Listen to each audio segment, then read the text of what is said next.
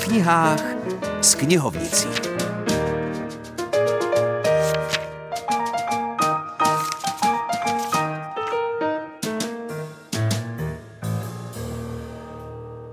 Krásné nedělní odpoledne, je tu literární rubrika a s ní Filip Černý.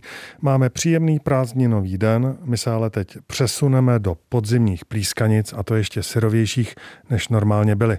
A to prostřednictvím knihy, kterou přinesla knihkupkyně Veronika Kučerová. Zamysleli jste se někdy nad tím, jak by svět vypadal, kdyby na podzim roku 1989 sametová revoluce neukončila vládu komunistického režimu? Alena Mornsteinová ve své knize Listopád ano. Spisovatelku Alenu Mornsteinovou asi nemusím nějak zvlášť představovat. Jedná se o jednu z předních a nejpopulárnějších českých autorek. Její první kniha s názvem Slepá mapa vyšla v roce 2013. Poté následovaly knihy Hotýlek, Hana, Tiché roky a Listopád.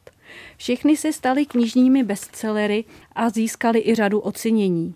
Její zatím úplně poslední kniha se jmenuje Kapka Ája a jedná se o dětskou knihu. Je listopad roku 1989 a nespokojení občané vyšli do ulic. Režim se však nezhroutí, ale na protesty reaguje velmi radikálně. Vyhlásí stané právo a vlády se ujímá armáda. Demonstrace jsou násilně rozehnány a jejich účastníci pozatýkáni. Do pěti hodin zbývalo pět minut. Vteřinová ručička se pohne ještě 300krát a začne zákaz vycházení.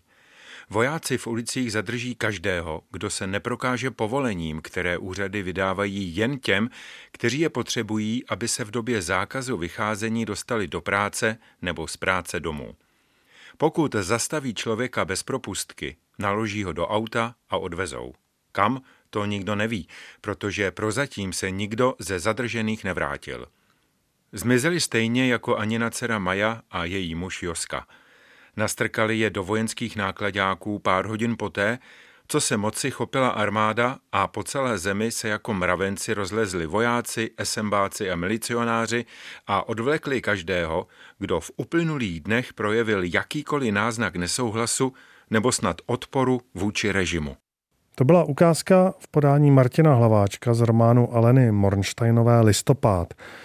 Román lze zařadit do žánru alternativních dějin a my ještě v období normalizace zůstaneme, ovšem tentokrát v období skutečném.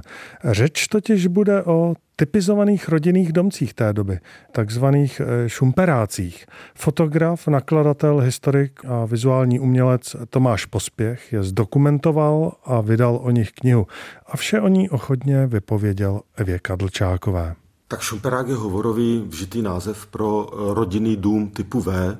Byl to typový dům, který navrhl v roce 1965 Josef Vaněk, projektant ze Šumperka. Ten dům poznáte velice dobře, protože v prvním patře má přes celou patro loďi a takové průběžné okno. A taky se vyznačuje tím, že hodně používá šikminy a po stranách právě té loďie má ty šikminy a pět otvorů. Obvykle kulatých. Ano, obvykle kulatých, ale mě právě fascinovala ta lidská kreativita, že někteří si řekli, proč kolečka, proč ne čtvereček, obdelníček, Ačko, Háčko, Lko, trouhelníček, ti odvážnější kosoštverec. Ten dům tím, že byl navržen, aby si lidé stavili své pomocí, byl v té době nedostatek materiálu, a lidé většinou se vdávali, ženili velice mladí, kolem třeba 20 let, tak eh, byl to jejich první dům většinou, který stavěli a taky poslední tak ten dům vykazuje velkou kreativitu. Mě fascinuje, že všichni vlastně na začátku měli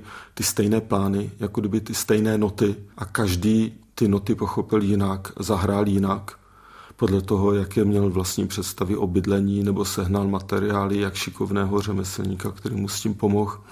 Takže ten dům hodně vypovídá jak o té době, tak o nás samých. A o svém majiteli. Tady u nás v kraji se tomu říkávalo televize. Ano, já jsem si všiml u nás na Moravě, asi jsme byli chučí, tak všichni tomu říkali rádio, když to v Čechách to byla televize. Tady v Českém rozhlasu České Budějovice samozřejmě preferujeme moravský výraz rádio.